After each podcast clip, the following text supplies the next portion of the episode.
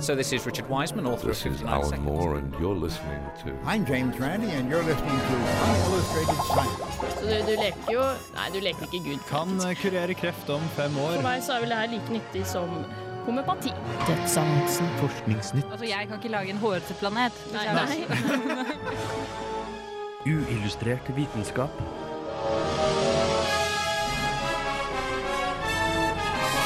Science, it works, bitches. Ukas sending av Uillustrert vitenskap vil dreie seg for det meste om energi. Du vil i den sammenheng få høre om bl.a.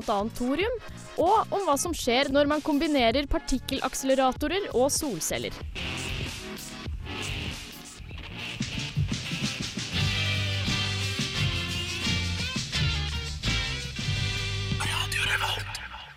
Hei og velkommen. Det er en aldeles strålende grå og trist vårdag i Trondheim. Og det som åpna ukas sending av Uillustrert vitenskap, det var White Fence med Swagger Vets and Double Moon. Jeg heter Jeanette Bø, eh, og med meg i studio så har jeg med meg to menn som heter Ole Eivind Sigrud Hallo, hallo. og Sønn Islam. Hei! Velkommen. Tusen takk. Eh, som sagt så blir det her en litt sånn energirik eh, sending. Vi er jo tre energirike programdeltakere. Og så føler jeg at det er veldig positiv energi i studio akkurat nå. Stemmer. Eh, vi skal snakke om eh, thorium. Det er ganske spennende. Det er veldig spennende. Det er et merkelig merkelig stoffet med atom nummer 90, er det ikke riktig? Det stemmer. Det er mulig. Eh, det, er jo, det er jo noe vi har mye av, men som vi driter i. Ja, Eh, så er det blir jo den- spennende å høre mer om. Vi skal også eh, inn på mitt fagfelt, eh, solceller. Ja, fordi hvem, hvem er det som ikke har lyst på solceller på taket? I hvert fall et eh, helt tak lagd av solceller. Eh, problemet er jo at det har vært altfor dyrt hittil. Eh, men eh, nå har det kommet en ny eh, produksjonsmetode som eh, kanskje gjør det veldig, veldig mye billigere. Spennende. Eh, vi skal også innom eh, energieffektive lysdioder i Forskningsnytt. Og Eh, hvem liker vel ikke lysdioder?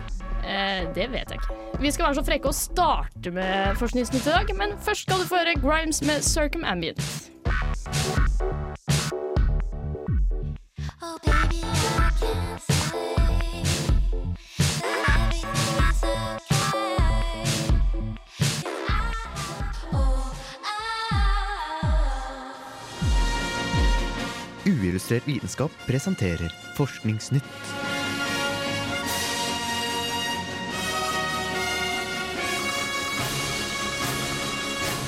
Forskningsnytt. Russiske og koreanske forskere har nå planer om å gjenopplive mammuten. Mammuten døde som kjent ut ved slutten av siste istid, og levde for det meste i Nord-Amerika og Eurasia. Rester av dem er også blitt funnet i bl.a. Gudbrandsdalen. Måten de har tenkt å gjenopplive dette dyret på, er rett og slett å putte mammut-DNA inn i elefantegg, for så å plassere egget i en elefant. Mammut-DNA håper de å få ut av mammutrester funnet i permafrosten i Sibir. Og nå venter koreanerne kun på at russerne skal ta seg bryet med å sende restene.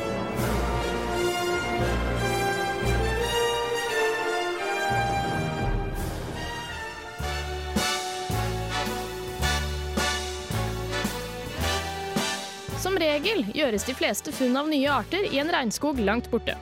Men denne gangen er det blitt gjort et funn midt i New York. I 2009 var biologen Jeremy Feinberg på spasertur i New York for å høre på paringsropet til sørlig leopardfrosk. Han hørte en frosk, men det var noe annerledes med kvekkingen. Start the news. Tre år senere har han og hans kolleger kommet frem til at dette var en helt ny type leopardfrosk som de ennå ikke har gitt noe navn. Det mest oppsiktsvekkende med dette funnet er at en såpass stor ny art kan hoppe rundt usett i New York. Og om du vil se denne arten selv, er visstnok sannsynligheten størst i området rundt Yankee Stadium.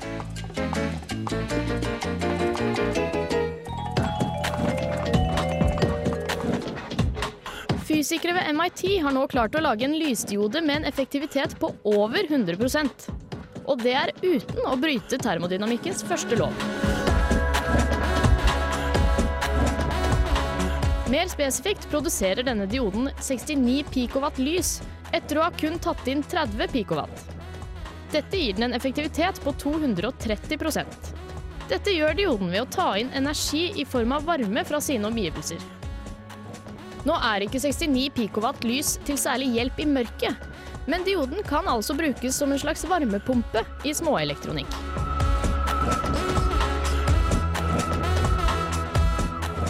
Radio Revolt. Nå, Fengende låt jeg hadde brukt på slutten her, merker jeg. Absolutt. Det var uh, Forskningsnytt uh, presentert av meg. Uh, første nyhet er jo ganske morsom. Det er, det er rett og slett Korea og Russland som har gått sammen for å, for å avle fram mammuter. Det trenger vi. Vi har snakket om det før, og jeg er jo veldig veldig for å klone og gjenskape alle utdødde dyr. Eh, spesielt terrorbirds hadde vært kjempetøft. Hva, kalte du det? Terror, Terrorfugl. Terrorfugl. Terrorfugl. Hva er en terrorfugl? Det er en sånn drithøy, eh, farlig, farlig kjøttetende fugl. Altså, det, Som er jeg ser for meg at jeg kunne farlig. temme og så ri, ri rundt på. Eh, men eh, så, så jeg er i hvert fall veldig veldig for å gjenskape mammut, men vanligvis så er jo alle disse forskerne de er jo litt kjipere enn meg. Så bare sånn, nei, det er uetisk osv. Men så hvorfor går de faktisk inn for å gjøre det som er så kult som å gjenskape en mammut? Eh, nei, altså de har eh, rett og slett eh, fått litt eh, blod på tann siden eh, to år tilbake. Fordi da greide de å lage mammutblod. Eh, så det de rett og slett har tenkt nå, er å, vi klarer å lage mammutblod. Eh, hvorfor ikke en mammut? Det var ikke de samme forskerne som sto bak uh, mammutblodet. Det var, noe, det var et samarbeid mellom Australia, Danmark og Canada uh, som holdt på med mammutblod. Uh, og det morsomme de fant ut med mammutblodet, forresten, det er at det inneholder en slags frostvæske. Det er jo å ta i, men det, det er som, som gjør at mammuten takler ekstrem kulde. Er Veldig kult. bra. Men denne, dette blodet, da, kommer det fra Det var et funn i, i fjor, i 2011, i Russland. Så hadde de funnet en bitte liten, veldig intakt mammutunge. Som Æsj. er verdens mest intakte versjon av mammuten. Ja, jeg, jeg, jeg så den eh, selv. Eh, det det er veldig ekle bilder med barn som får lov til å leke med den lille mammuten. Men det, Den var jo veldig søt, da. Veldig søt. Det, er, det funnet ble gjort etter de okay. lagde mammutblod, fordi det var i 2011 de fant den eh, lille, lille søte mammuten. Er det kanskje for at å gjenskape mammuten er i håp om å skape et marked for mammutblod? Sånn at de har noe å bruke Frostvæske. ja, for eksempel. ja. Eh, det kan hende. Eh, men det som, som eh, gjør at eh, mange er litt, litt skeptiske til, eh, til den, eh, det prosjektet her, er jo at en som skal være med på det, kjent som Wang Wo-suk, tror jeg det uttales. Eh, for de av dere som leser veldig mye om eh, genteknologi, så er han kjent for å ha klona, eller vært den første til å klone en hund. Eh, Det gjorde han i 2006, eh, men året før så skjedde det noe uheldig da han jobba med noe sånn eh, stamcelleforskning eh, på mennesker. Fordi da, da, da bedrev han underslag. Han tok alle pengene som de fikk i støtte selv. Eh, Vi håper han ikke gjør det den gangen her, eller bedriver noe annet juks. Men, eh, men det vil jo være et ganske synlig utfall da, av den forskningen her. Det vil jo faktisk være en mammut. Med mindre det er en elefant med, med Underslag av mammuter. Underslag av mammut. Elefant med parykk eller noe sånt. Og så, eh, ja, over til eh, frosken i New York. Eh, det som, eh, det som eh, Ja, jeg har vel egentlig nevnt alt, men det som er litt eh, morsomt, er jo at de biologene som fant den, eh, var jo direkte forbannet. Fordi eh, den frosken her har jo blitt lekt Eller barn har jo lekt med den frosken her i New York i mange Leker år. barn med frosker? Uten at de har sett den.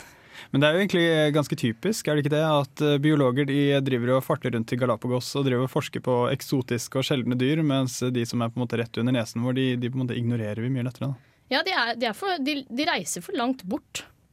Det, det, det er min konklusjon. Eh, men han som fant den, han eh, Feinberg, eh, det er han som skal finne på navnet, og han har lyst til å kalle den New York. New York-frosk. Men, men det viser seg at New Jersey blir kjempesure hvis han gjør det. Aha. Ja, Så det er, det er litt, Han må ha med politikk. Så, så var det jo også disse lysdiodene som er over 100% effektive. Men uh, hvordan i all verden fungerer den lysdioden uten å bryte de ti bud? Nei, jeg mener, uh, mener termodynamikkens andre lov. Eh, jo, eh, den, eh, den begynner jo å rane omgivelsene for eh, varme. Fordi når den når 100% elektrisk effektivitet, så, så er det noe den av en eller annen grunn automatisk gjør. Begynner å stjele varme, som han, som, som, han, som dioden konverterer til, til flere fotoner. Så da blir det mer lys. Så, så det er en kald pære, basically? Eh, ja, det, det kan du for så vidt si. Eh, men det lyset den avgir, er jo for svakt til å belyse noe som helst. Hva skal du bruke eh, dioden til, da? Eh, det, de, det det lukter nå, da, eller det MIT-folkene håper, er at det nå vil skje noen fremskritt innenfor energieffektivitet. Så det er jo ganske viktig og spennende. Eh, apropos energi, ja, som er tema for i dag, det, så skal vi over til solceller ganske straks. Men først skal vi høre på litt eh, Trondheimsbasert musikk. Eh, Her kommer Kari Harneshaug med 'Eat My Words'.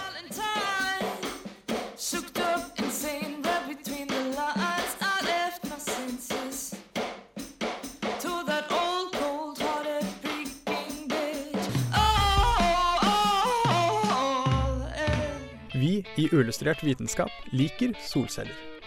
Vi liker også partikkelakseleratorer. Eller rettere sagt, vi elsker partikkelakseleratorer. Hvor kult hadde det ikke vært om noen kombinerte disse to teknologiene?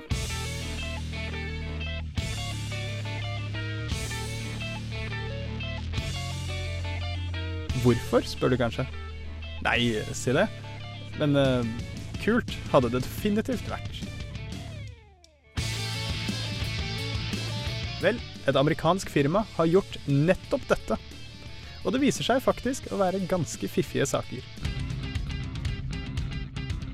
Solceller blir ofte nevnt som en het kandidat i debatter om fornybar energi og klimakrisen. Dessverre er ikke teknologien moden nok til å ta over for fossile brennstoff. Og hindrene har sett ut til å være fryktelig høye. Dagens solcellepaneler består av et tynt lag av silisium, som er kun 200 mikrometer, eller 0,2 millimeter tykt. Men produksjonen av slike tynne lag er ikke spesielt effektiv. Akkurat som når man sager ved, dannes det fryktelig mye spon når man kutter en silisiumblokk i tynne skiver. Faktisk går så mye som halvparten av silisiumet tapt i form av silisiumspon. Solcellene ville også fungert vel så godt med enda tynnere lag. Men tynnere skiver har en lei tendens til å sprekke.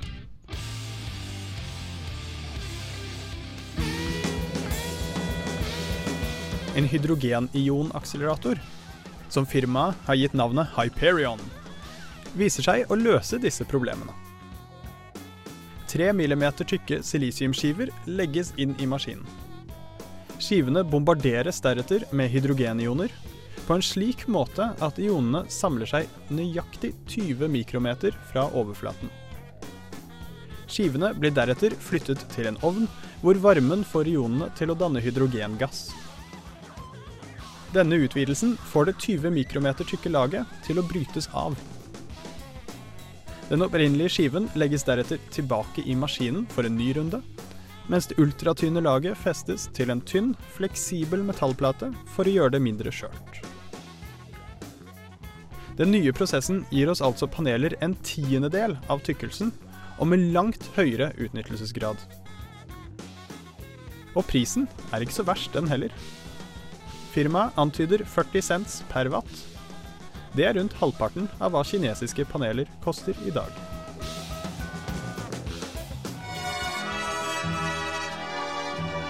Nuclear reactors could provide power almost indefinitely. Greenhouses could maintain plant life. Animals could be bred and slaughtered. Uillustrert vitenskap. Ja, der fikk vi en ny solcelleteknologiinfo av eh, Ole Eivind. Og det her høres jo aldeles fantastisk ut. Det kan være løsningen på alt. Ai, ai, ai, ai. Men uh, veit vi at det funker?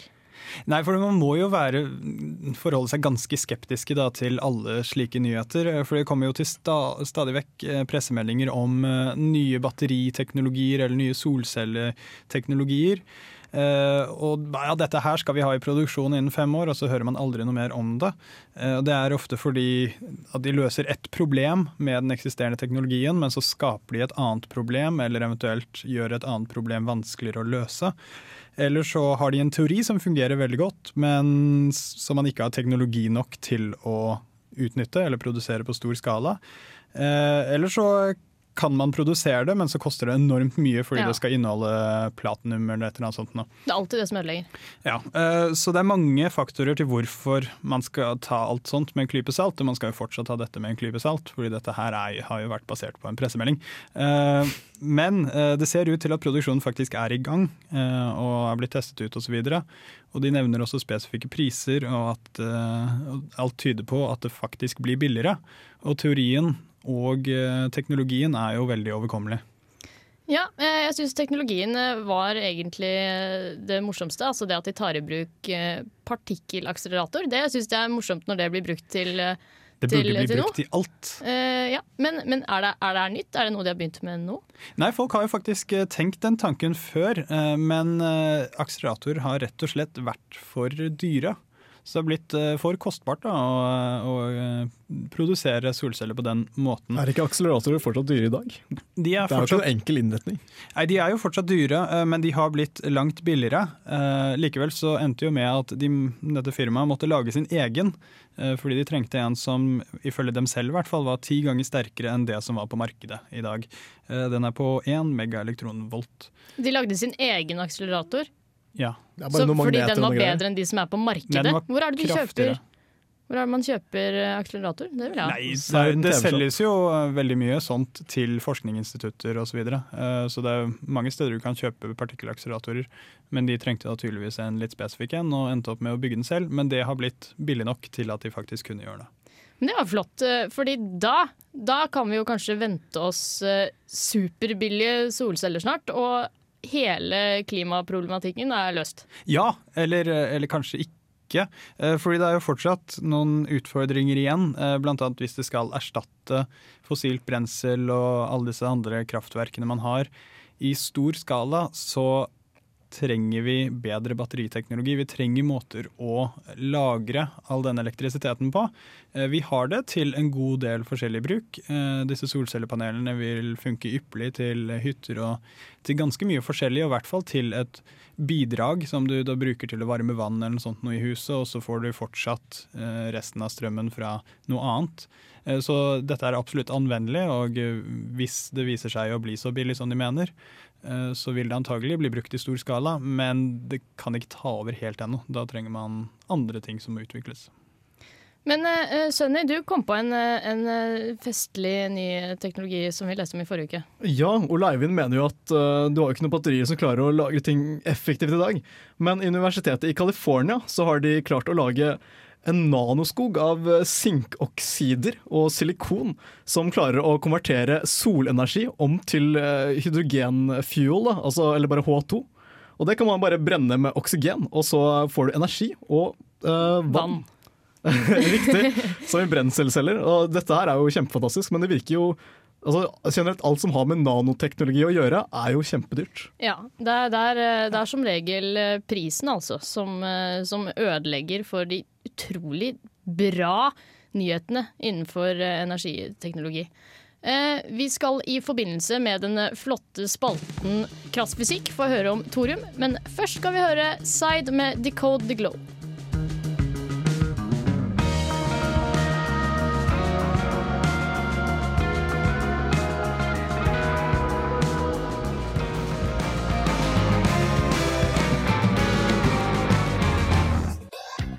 Tyngdekraften. Å ja! Han har jeg hørt om. Galileo Galilei. Det er jo for godt til å være sant. Lars Monsen. Dette setter jeg pris på, ass. Tycho Brahe. Mm. Ah, krass fysikk.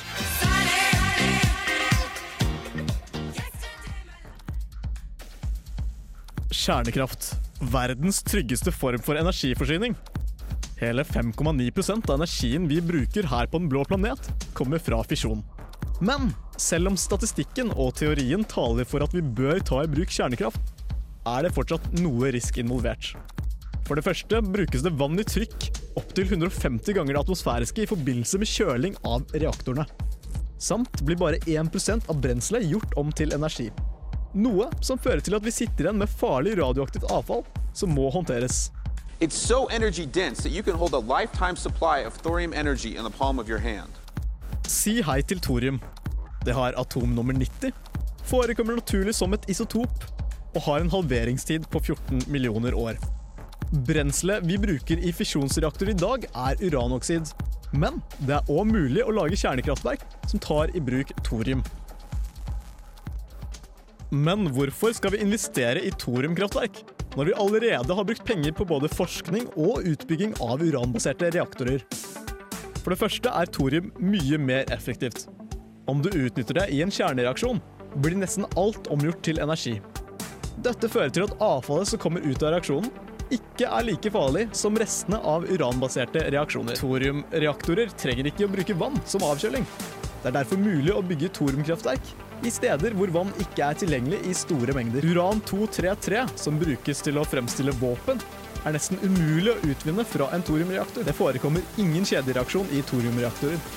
Ingen kjedereaksjon betyr ingen mulighet for kjernefysisk nedsmelting.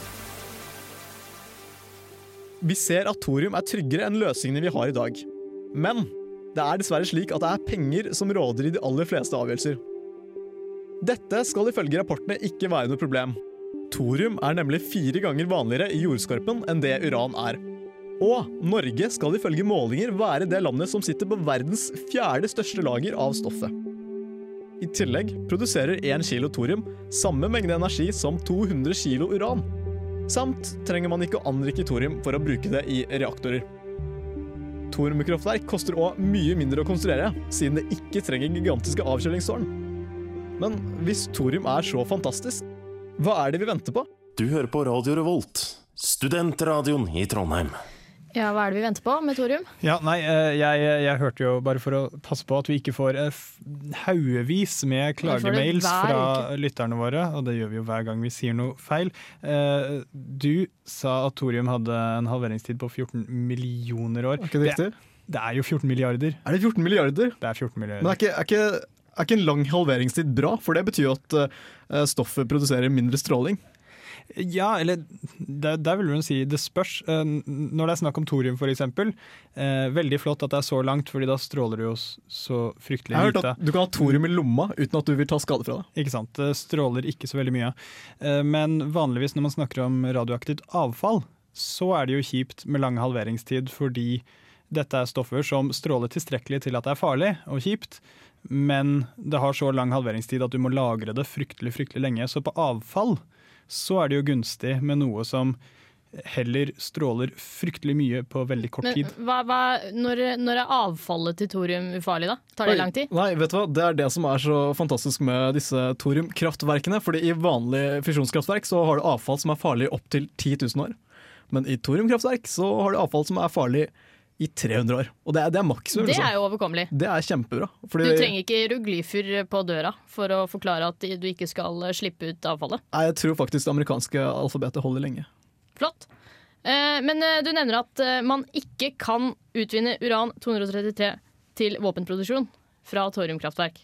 Det gjorde jeg. Hvorfor, hvorfor ikke? Det er morsomt at du spør. Det er morsomt. Eh, Fordi når du reduserer thorium, så får du jo da uh, uran-233.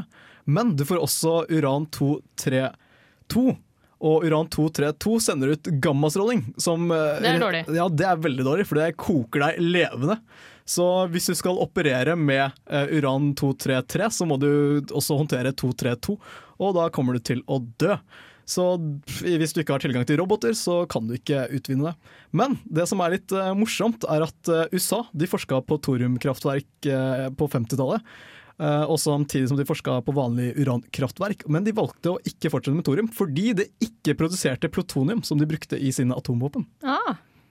Eh, Men, eh, men da du snakker om thorium, vi hørte den snutten tidligere, så, så høres det jo veldig fantastisk ut. Det er veldig Er det, fantastisk. er det absolutt ingenting negativt? Det er én ting som er negativt. Det er nesten umulig å utføre i dag. Hvorfor, hvorfor det? Nei, fordi ok, uh, I vanlige reaktorer så bruker de vann for å kjøle, men her så bruker de salt. Uh, salt, eh, altså en type saltsmelte som de har blandet uh, som inneholder fluor. Og når dette fluoret kommer i kontakt med hydrogen, så dannes det hva heter det, flussyre, HF, som er vanvittig korroderende og giftig, så det etser i stykker tankene. Så med de beste materialene vi har i dag, så varer tankene i fem år. Og det, det er maksimum. Så vi kan ikke gå rundt og bytte tanker hvert femte år. Det blir for dyrt, dessverre. Men eh, ja, i og med at eh, man ikke bruker vann, eh, er det noen fordeler ved å ikke bruke vann? Ja, absolutt. Fordi da kan du bruke kraftverkene i omgivelser hvor vann ikke er, ikke i er store, mange, store mengder. Ja, men bare tenk over det. Eh, vi har jo gjerne lyst til å komme på månen. Og månen har mye vann, men det er i frossen tilstand, så det er ikke så lett å utvinne det. Eh, og mange tenker kanskje at vi kan bare bruke solcellepanel på månen. Men månen har en natt som varer i to uker. Ja. Så her hadde det jo vært perfekt å bruke thoriumkraftverk. Hvis vi hadde klart å få oppbevaringsrom for uh, flussyren, da, selvfølgelig. Ja, det, det, det er jo selvfølgelig. Eh, men eh, men eh, du, du sier også at kjernekraft er verdens tryggeste energiforsyning, og jeg har hørt noen si noe annet. Hva, hva, hva, mener du? Nei, altså, det det jeg refererer til er jo ren statistikk på antall døde per terawatt-time. Og der så er eh, kjernekraftverk mye bedre enn f.eks. både solcellepanel og vannkraftverk. Verdens største ulykke involvert med et kraftverk var jo et vannkraftverk. Det var jo Bankai-demningen som drepte 171 000 mennesker i Kina, Ja, som raste sammen. ja så, så i arbeidsulykker så er det jo er det veldig flott. Ja, det har vært arbeidsulykker med kjernekraftverk òg. Ja. Eh, ja, men eh, eh, kjernekraft har jo fått et sånn eh, grusomt eh, rykte. Og det jeg mistenker, er at det er pga. sånne hendelser som Tsjernobyl og sånn, som gjør at jeg som energi- og miljøstudent ikke får lov til å lære noen ting om, eh, om kjernekraft. Ja, men det har, vi Og kjernekraft er jo både energi og miljø. Ja, det er begge deler. Så det her er en liten appell til eh, NTNU. Jeg vil også foreslå at du da bare stikker innom Ystnes-teamet, og så spør du om han kan fortelle om kjernekraft. Eller eventuelt så kan dere gå tilbake i podkastarkivet vårt og høre intervjuet vi hadde med Ystnes om nettopp stråling. Yes, det, det anbefaler jeg til dere, dere lyttere også. Eh, vi skal snart få høre om eh, noe no hunder, Søte, søte hunder. mm, men aller først skal vi høre Bolder James med 'Consignment'. 227, her room. My dog, concrete. It's enticing. Just try. Klassisk betinging er når et individ lærer seg å koble sammen en stimulus med en annen. Men hva innebærer dette? Ivon Pavlov var en russisk psykolog og fysiolog som forsket mye på reflekser. I forbindelse med dette gjorde han noen eksperimenter på hunder og fordøyelsessystemet deres. Pavlov målte mengden spyttproduksjon på hundene i forskjellige sammenhenger. Det som viste seg, var at Pavlovs hunder produserte mer spytt når dyrepasseren, som vanligvis serverte mat, var i nærheten, enn når de sniffet kjøttpulver. Dette syntes Pavlov var interessant, og han undersøkte om det var mulig å manipulere hundene til å produsere mer spytt. Det han gjorde, var å ringe i en bjelle hver gang før han serverte dyrene mat. Og etter et par omganger begynte Pavlos hunder å sikle når de hørte bjella.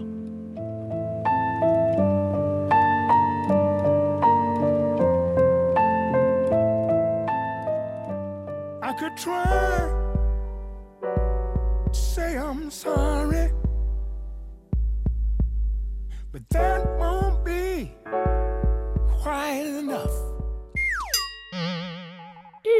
Uillustrert vitenskaps-funfact-skole. Vær midtpunktet på neste vorspiel.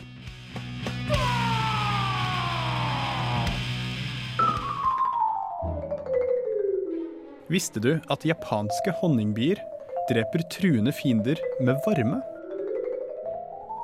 Nei, det, det visste jeg ikke. Eh, men hvilke fiender er det her? Kan den plutselig drepe meg med varme? Nei, altså Hovedfienden eh, til eh, japanske honningbier er jo eh, den fire centimeter lange asiatiske kjempegeithamsen. Det er en plante. Eh, nei, det er geitrams. Ja. Eh, geite, eh, geithams er også det som kalles hornet på engelsk. Eh, Ja. Hvem vet at det heter geithams på norsk side? Så kjempegeithamsen, altså. Og det, og det de gjør, altså dette er en gigantisk veps som er fire centimeter lang, den liker bier. Uh, og da når den kommer i nærheten, så svermer de rundt fienden, danner en sånn der veldig kompakt liten ball rundt geithamsen. Uh, og vibrasjonene som disse biene bruker ved å på en måte flappe på vingene osv., uh, skaper en så høy varme at geithamsen rett og slett blir eh, stekt. Oi! Og på fagspråket så kaller de denne ballen eh, en hot defensive b-ball. Oi! Ja ja, men det, dette er flott. Eh, men eh, men det, her, det her vil jeg anta at biene holdt på med en stund, eller er det noe de Ja, har funnet her- ut nå? Nei, det har de gjort, gjort en god stund. Grunnen til at jeg tok det med meg her og lagde en liten fun fact, er at forskere publiserte denne uken ny forskning om denne hot defensive bee-ball. Eh, Fordi det er jo en oppførsel som man ikke ser i andre typer bier. Man ser ikke det i den europeiske honningbien f.eks. Så de ville undersøke litt sånn, ja, hva er det som står bak den her, og da mer spesifikt eh, ville de japanske forskerne undersøke hjerneaktiviteten bak denne oppførselen. Eh, Hjerneaktiviteten eh, til bien, ja. Åssen Ja. Eh, undersøker du den? Nei, det, det høres faktisk ganske morsomt ut. Eh, fordi de undersøkte biene mens de formet en sånn sint ball. Og det virker jo litt vrient da, å måle nevral aktivitet på bier som er i en sånn ball. Det de gjorde, var at de plukket ut eh, enkeltbier fra den ballen i, til forskjellige tider i løpet av på en måte ballens eh, ja, eh, tid, eh, og målte nevral aktivitet. Hvordan var MR-maskin?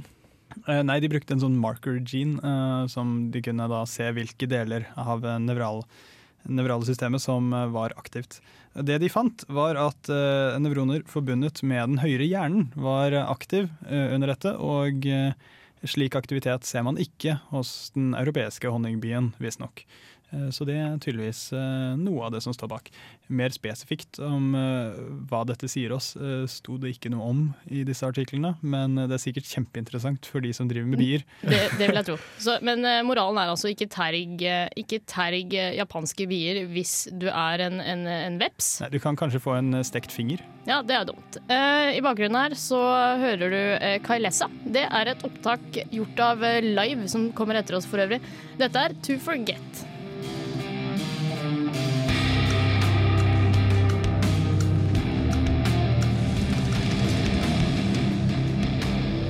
I'm James Randi, and you're listening to Unillustrated Science. Yes, Kvalessa fra Samfunnet var det der altså. Eh, vi eh, driver og går tom for tid, som vi pleier å gjøre eh, ca. fem på fem. Eh, I dag har vi altså lært at eh, mammuten kanskje kommer tilbake. Kanskje. Eh, Japan spår at det vil skje innen fem år. Jeg vet ikke hvorfor Japan blander seg inn, men det er sant. Alt skjer innen fem år, sånn at de kan få litt mer midler til forskningen. Ja, eh, Thorium er veldig flott eh, fremdeles. Eh, og partikkelakselerator pluss solceller er lik sant. Så hvis du ikke fikk med deg det, eh, kom, kom inn i sendinga først nå, så kan du jo høre sendinga en gang til på Stream on Demand eller podkast på iTunes. Og legg gjerne igjen en kommentar. Vi elsker kommentarer. Og alle de personene som skrudde på radioen først nå, de er her kanskje for å høre live. Eh, ja, det er mulig. Eh, de skal eh, nemlig spille Mugison, om noen har hørt om det. de er fra Island. De har spilt på Bylarm. Og så har de også tatt opp Hanne Hukkelberg fra klubben. Så hvis du ikke gidder å gå på konserter, så kan du alltids høre på, på live. Eller hvis du har noe bedre å gjøre, noe jeg egentlig håper, så kan du, så kan du gå og drikke en øl nå i stedet. Men, eh, men du kan jo drikke øl mens du hører på live, da. Ja, mulig. Det, det går også an. Spiller mye bra musikk innimellom. Teknikeren vår i dag har vært eh, Rune Stana. Han har vært kjempeflink. Eh, Og med meg i studio har jeg hatt Ole Eivind Sigrud og Sønn Islam. Jeg heter Jeanette Bø, og takk for oss. Ha det på